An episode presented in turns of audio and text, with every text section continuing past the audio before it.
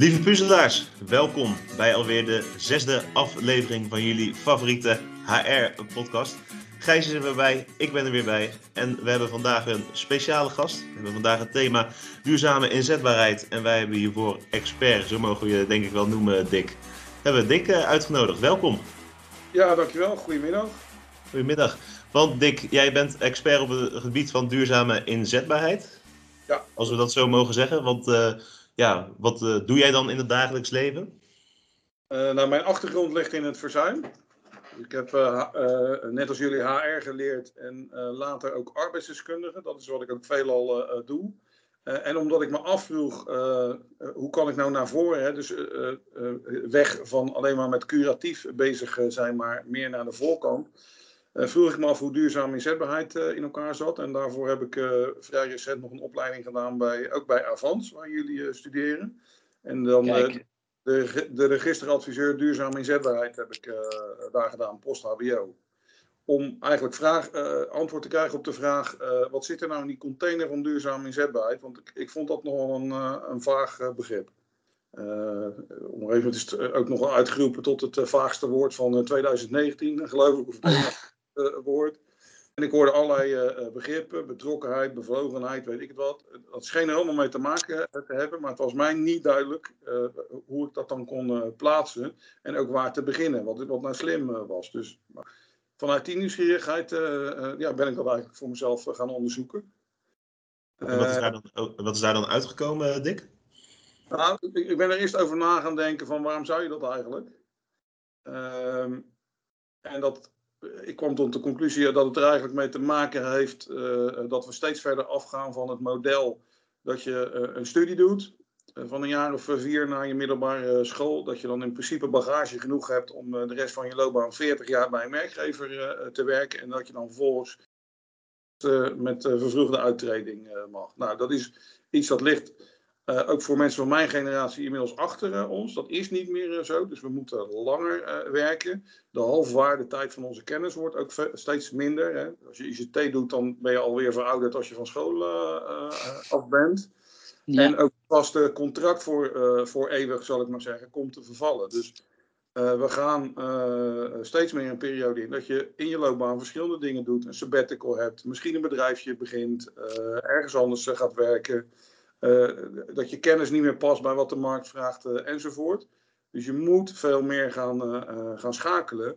Maar dat betekent ook als werkgever dat je ook in de gaten zult moeten houden of mensen nog arbeidsmarktfit zijn die bij jou werken. Omdat het nu eenmaal zo is dat je niet eeuwig met dezelfde kennis en skills vooruit kunt. Heel interessant daarvoor is bijvoorbeeld Linda Gretton, Engelse professor. Die maakt hele leuke filmpjes uh, over uh, waar, waarin ze dat uh, betoogt. Dus nou, voor de luisteraars, zoek het op. Linda met een, lange, met een, met een Y. Je zult je ook behoorlijk moeten specialiseren. Wil je nog toegevoegde waarde hebben in, in de markt. Dat is ook zoiets. Dus dat maakt ook waarom duurzaam inzetbaarheid zijn. En dan niet alleen fit zijn, maar ook blijven leren. Waarom dat zo'n belangrijk onderwerp is. Nou, uh, zo doen. En toen ben ik eigenlijk verder gaan kijken van wat heb, heb je dan in het Nederlandse taalgebied. Uh, heb je bijvoorbeeld mensen als Van de Klink. Ja, ook een mooi model, werk als waarde. En, dan, en die zegt eigenlijk van ja, wat willen mensen nou als ze werken? En wat is daar, wat hebben ze dan uiteindelijk nodig? En als je daar een beetje naar gaat kijken, dan kom je er ook achter dat bijvoorbeeld veel functionerings- en beoordelingsgesprekken, die gaan over hoe jij je werk doet en of je je targets gehaald hebt en, uh, en dat soort dingen. Dat is natuurlijk hartstikke fijn, want dat moet ook, want de business moet gerund worden. Maar als je ernaar kijkt in termen van hoe blijf je inzetbaarheid, dan kun je daar niet zoveel mee. Ja, je noemt net de functionerings- en beoordelingsgesprekken. Maar zie jij dat dan als instrumenten waar uitkomt wat nodig is voor de duurzame inzetbaarheid van wensen binnen de organisatie? Nou, niet op de klassieke manier als, je, als je een gesprek hebt over ja, hoe heb je het gedaan dit jaar en wat zijn je prestaties en eventueel meten we je bonus of, of, of je leaseauto daaraan af, dan kijk, je, dan kijk je in essentie terug en niet vooruit. En je betrekt ook niet het grotere geheel van, van, van het leven, de werk-privébalansen van mensen, et cetera, bij wat je aan het, aan doen bent. zijn natuurlijk andere modellen, bijvoorbeeld een huis van werkvermogen, wat daar wel op ingaat. Wat dus op verschillende niveaus iets gaat vragen van, nou ja, hoe verhoud jij je tot je werk en, uh, en hoe verhoud je je tot je toekomst?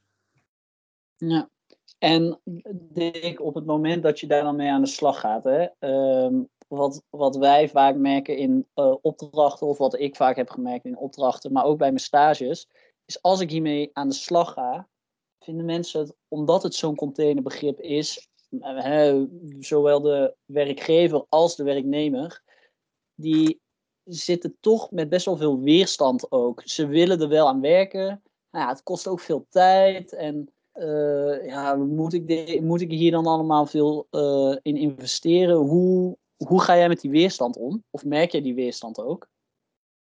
Ja, die, die weerstand die is zeker werk, merkbaar. Uh, en die weerstand die treedt volgens mij ook vooral op als jij komt met een groot, allesomvattend uh, plan, wat je heel erg voor mensen bedacht uh, hebt. Ja, precies. Dat, dat, gaat niet lukken, want mensen willen best wel veranderen, maar ze zeggen altijd ze willen niet veranderd worden. Ehm, ik zie het meer als een duurzame inzetbaarheid en ook weer een beetje modelmatig benaderd. Mm. Als een, eh, een, complex van factoren waaruit je keuzes eh, kunt maken en eh, waarin je goed moet, moet bedenken waar je wil, wil zitten. Nou, om dan de derde theoreticus aan te halen, die ik graag aan jullie wilde vertellen, dat is Peter Dona. Dat is ook een man die les geeft aan Avans. Die heeft daar een heel mooi model voor gemaakt. En die zegt eigenlijk, je kunt op een paar terreinen zitten, op vier terreinen. Op vitaliteit, dus uh, gezondheid. En uh, gezondheid is niet alleen de gezondheid als je eenmaal ziek bent, maar ook uh, het voorkomen ervan. En daar -hmm. komen begrippen als preventie en werkvermogen om de hoek kijken. Um, bekwaamheid. Kun je je functie uitoefenen? ben je fit voor je, voor je volgende stap op de arbeidsmarkt? Zit je nu goed in je, in je kwalificaties? Um, dan je wendbaarheid. Hè? Ben je goed uh, uh, beschikbaar op de arbeidsmarkt? Zou je morgen iets anders kunnen gaan doen? En het laatste, ja, veerkracht, wat je ook zou kunnen vertalen in management. En daar kun je de vraag bij stellen, hoe wensen we eigenlijk te managen? Nou, als bedrijf kun je op twee terreinen zitten. Je kunt kijken van nou wat willen wij nou met onze workforce en uh, hoe gaan we die daarin begeleiden? Wat vinden we een wenselijke functie, verblijfstijd bijvoorbeeld? Maar ook hoe willen we hier leiding geven? Dat is natuurlijk een hele actuele vraag nu. Uh, een heel groot gedeelte van mensen zit gewoon thuis. Kan je niet meer zien wat ze doen, hoe laat ze beginnen, hoe laat ze stoppen. Dus hoe ga je dat nou leiden? En dan kun, je, uh, dan kun je natuurlijk leiding geven op de manier van controle. En je kunt leiding geven vanuit de manier van, van vertrouwen, zeg maar. Nou, dat kun je als werkgever doen. Maar leren, dus ontwikkelen en vitaal blijven, daar kun je wel mensen dingen voor aanreiken. Maar je kan niet namens iemand gezond worden en je kan niet namens iemand uh, leren. Dus nou, uh, als je nou bedenkt waar je zou willen zitten uh, als werkgever, dan kun je vervolgens kijken van, nou ja, zijn daar methodes of, of middelen voor? En dan kun je het ook valideren. En dan kun je ook rekenen van, ja, wat is, levert me dit wat op? Maar je kunt wel ja, beleidsmatig een aantal uh, uh, dingen doen. Nou ja, je, je kunt mensen leren dat ze uh, gewoon tijdig het werk staken. Je zou bijvoorbeeld iets kunnen afspreken over we gaan dus niet de hele dag zitten, zitten mailen en zo. Hè. Wat voor cultuur hou, hou je daarbij aan? vinden we het normaal om in, s s'avonds en in het weekend gewoon door te gaan en elkaar maar te blijven bestoken met informatie? Of zeggen we nee, we, we, we, beginnen pas maandag weer. Maar ik zie hem ook fysiek. Je, uh, uh, als je op een slechte stoel aan de keukentafel acht uur per dag op een te kleine laptop zit, uh, zit te typen, ja, dat gaat ook maar beperkt goed. Dus ik verwacht ook wel veel mensen die een nek, rugklachten, dat soort dingen gaan, gaan ontwikkelen. Ja, en als ik me niet vergis, heeft dit alles te maken met vitaliteit. Ja. en op het moment dat je als bedrijf, ehm, nou laat ik het zo vragen, hoe denk je dat je als bedrijf je kan onderscheiden uh, in dit opzicht, uh, vooral in deze tijd, maar sowieso uh, in, eh, of sowieso als bedrijf, even los van corona. Hoe denk je dat je je als bedrijf daarin kan onderscheiden? Ik denk dat je je kunt, eh, kunt onderscheiden um, door de goede dingen aan te reiken. In de voorbeelden waar we het net hadden, bijvoorbeeld over zitinstructies, door mensen te, eventueel te voorzien van materialen, dat soort zaken. Mhm. Ehm, maar ik denk ook dat je als bedrijf kunt, kunt onderscheiden door ehm, ja, toch te blijven te investeren in ontwikkelen en, en dat soort uh, zaken. Ik denk ook nu dat de neiging heel erg groot zal zijn om allerlei opleidingsprogramma's enzovoort stop te gaan zetten. Uh, en dat lijkt me dus heel uh, griezelig, want de snelheid van de wereld is niet veranderd wat dat betreft. dus mensen ja, goede arbeidsvoorwaarden bieden die ook passen bij de tijd van tegenwoordig. flexibele arbeidsvoorwaarden, keuzemenu's daarin maken ik denk dat je met dat soort maatregelen heel eind komt. En Dick, als je het nou hebt, de, wereld staat niet stil. Um, als, je van school, als je van school afgestudeerd bent, dan um, is eigenlijk je kennis al niet meer, um, zeg je dat, paraat. Alleen, ja. hoe, hoe, zouden wij nou als jonge, nou ja, als jonge starters of als bijna afgestudeerden, we gaan het werkveld in hoe ja. zouden wij als toekomstige HRM'ers nu, um, denk je, op duurzaamheid ons kunnen onderscheiden? Um, nou, ik denk een beetje dat, dat je niet klaar bent als je je HBO uh, uh, HR af hebt. Eerlijk mm -hmm. gezegd. Ik denk dat je dan een brede ondergrond uh, hebt. Ik werk ook wel eens als uh, examinator. Mm-hmm. Dan zie ik ook langzamerhand dat er wel uh, wat meer bedrijfskundige aspecten ook inkomen. Hè? Dat HR mensen ook geleerd wordt om een business case te maken als ze iets uh, verzinnen. Dat was een tijdje geleden ook al niet zo. Maar wat je toch ziet, optreden, zeker bij grotere organisaties, is dat er ook binnen HR steeds meer specialisme is. Dus op, op de plek waar ik dan in loondienst werk, daar zijn inmiddels HRD-mensen die zich daarmee bezig houden. in de mensen die zich met inzetbaarheid en die, die zijn of arbeidsdeskundigen of die hebben een KROF of, een, een, of zo'n soort uh, opleiding. Hebben iets gedaan met uh, doorleren op het gebied van, uh, van employee benefits enzovoort.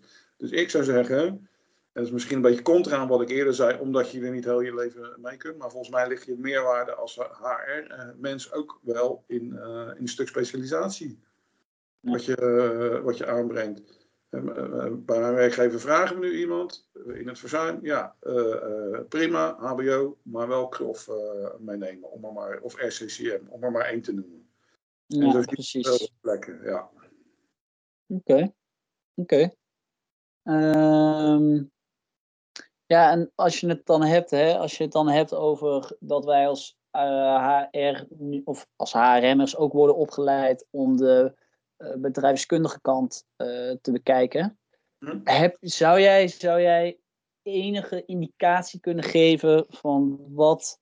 Uh, ja, en dan kom je toch weer terug op dat containerbegrip duurzame inzetbaarheid. Wat levert dat nou een bedrijf op?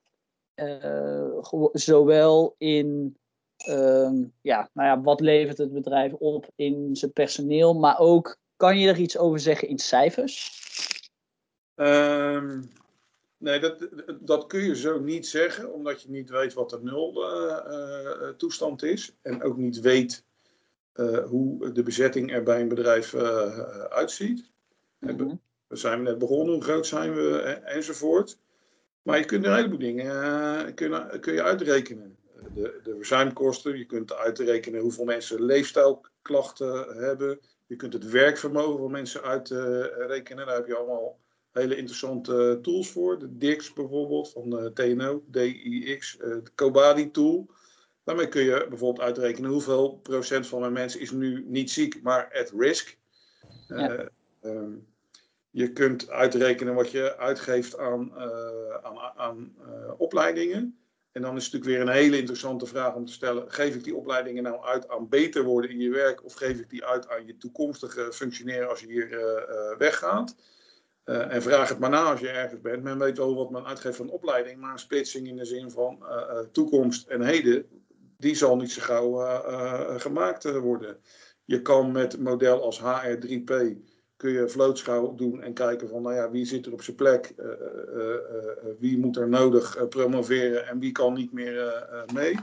Dus daar kun je een heleboel aan, aan uitrekenen. Je kunt uitrekenen hoeveel procent van je mensen bevlogen is en ehm, ik raak even mijn draadje eh, betrokken, bevlogen en betrokken bedoelde ik. Nou, je weet even voor de luisteraars, even voor de luisteraars, uh, wat is de definitie van bevlogen en betrokken? Uh, ja, dat, zo, daar heb je me. maar maar uh, bevlogen, dat is een soort totale toestand van, van helemaal ervoor gaan. En daar kun je weer dingen aan koppelen als uh, succes in je werk, uh, uh, klanttevredenheid enzovoort, enzovoort. Dus mensen die, ja, mensen die het niet leuk vinden in hun werk, dat merk je gewoon. En dan ben je gewoon minder geneigd om, om, om, zaken mee te, mee te doen. bevlogenheid is bijvoorbeeld zoiets wat managers altijd heel interessant vinden om, om uit te, te zoeken. hoeveel van onze mensen zijn bevlogen? Nou, kan, kan, ik je wel een raadseltje op geven? Kunnen mensen dan reageren? Een prijsvraag. Prijsvraag. Ja. Hoeveel denk je dat dat zo'n beetje is? Wij houden van raadseltjes. Ja, zeg, als we nou naar Europa kijken, uh, wat schat je zo in dat uh, uh, hoeveel procent van de mensen bevlogen is? Ik, ik ga zitten op 20 procent. Ik, ik denk eigenlijk dat het, ik denk eigenlijk juist dat het hoog is. Ik, ik zou, ik zou ja, 70, tussen 70 en 80, nou wat zou ik zeggen, 76 procent. Oké, nou, uh, heeft gewonnen. die zat het dichtst in de buurt. In Europa is het 6%. Als je dan terugpakt naar het begin van het verhaal en je realiseert je op het moment dat ik nu aan het begin van mijn carrière sta en ik heb 50 jaar in te vullen, en ik ben er vrijwel zeker van dat ik dat niet zal doen in één vak. En ik ben er vrijwel zeker van dat ik dat niet kan met de kennis die ik vandaag heb opgedaan. Eh, dan is het natuurlijk wel uh, vrij shocking als er vervolgens gezegd wordt, uh, ja, maar mensen kunnen eigenlijk helemaal niet veranderen. Dus ja, hoe moet dat dan? Want ze moeten veranderen, want je, je kunt niet 50 jaar bij dezelfde baas dezelfde dingen blijven doen. Dus dat, ja, dat lijkt mij een groot dilemma. Hoe daarmee om te gaan.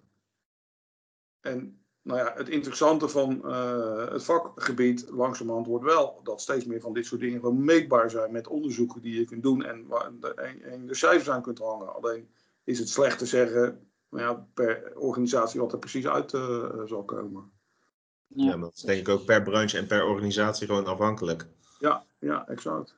Maar je kunt er wel iets van, uh, van je successen aan afmeten. Je kunt natuurlijk wel benchmarks zoeken enzovoort in Um, Dick, wat ik me afvraag, hè, je bent er, nou, we mogen je denk ik wel een expert noemen. Mhm. Wat vind jij nou het leukst uh, om mee bezig te zijn op het gebied van duurzame inzetbaarheid? Van al die verschillende onderwerpen? Uh, ja, ik, ik, ik kom uit het verzuim, zeg maar. Daar ligt, daar ligt echt mijn, uh, daar ligt mijn hart. hoe houden okay. mensen aan, aan de gang? Um, in mijn geval ook wel gevolgd door ontwikkeling. En wat ik zelf heel erg uh, uh, leuk vind, is om te zien dat mensen renderen in wat ze doen. Dat ze dat gewoon heel erg, ja, tot, tot, tot, tot, tot heel ver in hun carrière, dat ze het gewoon naar hun zin hebben. Want daar begint het gewoon allemaal mee. En, en de mogelijkheden hebben om hun vleugels uit, te, uit te slaan. En op die manier ook ja, zeg maar glimlachend met pensioen kunnen gaan. Ja, maar ik denk misschien ook dat verzuim uh, samenhangt met alle aspecten binnen het containerbegrip duurzame inzetbaarheid. Ja, maar ja, uh, het is eigenlijk een, het is omgedraaid. Hè? als je heel goed bezig bent met je duurzame inzetbaarheid en je biedt de juiste dingen aan aan mensen, en ze zijn vitaal en je hebt op tijd uitgezocht uh, wie van, van je mensen at risk is. En je voert het goede gesprek uh, met ze. Wat niet alleen maar gaat over of ze hun werk goed doen, maar ook of ze het nog een beetje trekken. Ook als ze zieke ouders hebben of in scheiding liggen of, of, weet ik het wat. Dan voorkom je juist een heleboel leed. En dan kun je vaak met een, een, relatief geringe investering kun je heel veel ernstigers voorkomen. En bovendien is het ook vreselijk goed voor de motivatie uh, van mensen, ja. alsof dat soort zaken ook hoog uh, is. En uiteindelijk uh, brengt toch een heel groot gedeelte van je, van je, van je werk en het leven op je werk door. Ja. Dus het is belangrijk dat het, uh, dat het klopt. En Zou ik dan mo Oh, sorry, ga door. Nou, uh, dus je, de mens als, uh, als productiefactor, zeg maar. Ja, in die zin kun je je natuurlijk ook afvragen in hoeverre we niet van HRM af moeten en richting wat je nu veel ziet in de happiness en dat soort zaken. Of we daar niet heen moeten. Op zoek, op zoek gaan naar echte mensen, mensen. Ja, verschrikkelijk. ja, human resources, dus als, als je de human behandelt als uh, uh, graan en staal en dat soort zaken, volgens mij doe je het dan niet goed. Nee, precies. Zou je... Ja, als grondstof. Ja. Zou je dan, zou je dan mogen zeggen, hè, als, je dan, als je het dan toch hebt over verzuim, is eigenlijk juist het voorkomen van verzuim, dat is hetgene wat jij, ja, hoe zeg je dat? Wat jij het leukst vindt. Ja, nou ja, precies. Daar daar gaan zitten waar het helpt. En is dat dan ook de gouden tip die je wil meegeven aan uh, organisaties, Dick? Of heb je daar nog een andere uh, mooie nou, boodschap voor? Uh, wat ik daarover wil zeggen is: ehm, niet aan de gang gaan met dingetjes. Het sportschoolabonnement vergoeden. Want wat krijgen we dan? De mensen die toch al naar de sportschool gingen, die hebben een voordeeltje ervan. En de mensen die toch al niet gingen, die gaan heus niet sporten om dat te doen. Dus dat helpt niet. Dus uh, uh, beleidsmatig, strategisch, analyseer nou waar het zit, waar je mensen het meest bij gebaat zijn. En ga daar je geld naartoe uh, brengen. Maak daar je keuzes in. En dat, dan kan het dus zijn dat het niet de sportschool is, maar de cursus. Of jouw manier van managen van, van mensen. Dat je ontwikkelingsgericht gaat managen en daar je geld aan besteedt. Dus nadenken over die keuzes, daar zit het. Ja, nou, ik denk dat wij als, ik denk dat dit een mooie afsluiter is voor wij als uh, stagiaires in ons derde jaar, die bezig zijn met een strategische, tactische stage. Ik denk dat dat een mooie afsluiting is. Ja, zeker. Inderdaad, ook kijken naar het strategisch en beleidsmatig uh, oogpunt en niet alleen het operationele. Ik denk dat dit ook een mooie boodschap is die wij, uh, als wij persoonlijk, Gijs, kunnen meenemen, maar zeker ook richting de andere uh, derdejaars en zeker ook toekomstige stagiaires en HR-professionals. En onze luisteraars. En onze luisteraars, vanzelfsprekend. Nou, Dick, echt ontzettend bedankt. Uh, weer uh, leuk om hier zo mee bezig te zijn. Duurzame inzetbaarheid. Ook al is het zo'n containerbegrip, blijft altijd voor ons, uh, voor onze studie ontzettend interessant. Maar niet alleen voor de studie, maar ook voor ja, de rest eigenlijk. De rest van je leven ben je ermee bezig. En ik hoop dat we onze luisteraars er ook een beetje mee hebben kunnen helpen. Ja, met plezier gedaan. Ik, uh, uh, ik hoor het wel. Ik, uh, ik vrees wat ik allemaal in geroepen heb, maar dat zien we nou weer. ja, okay. ja, nou, dat zal goed komen. luisteraars, dankjewel weer. tot over twee weken. En vergeet vooral de hashtag puzzel niet te liken. En ja, we zien jullie reacties op de, op de prijsvraag graag tegemoet, uh, tegemoet komen. Tot over twee weken.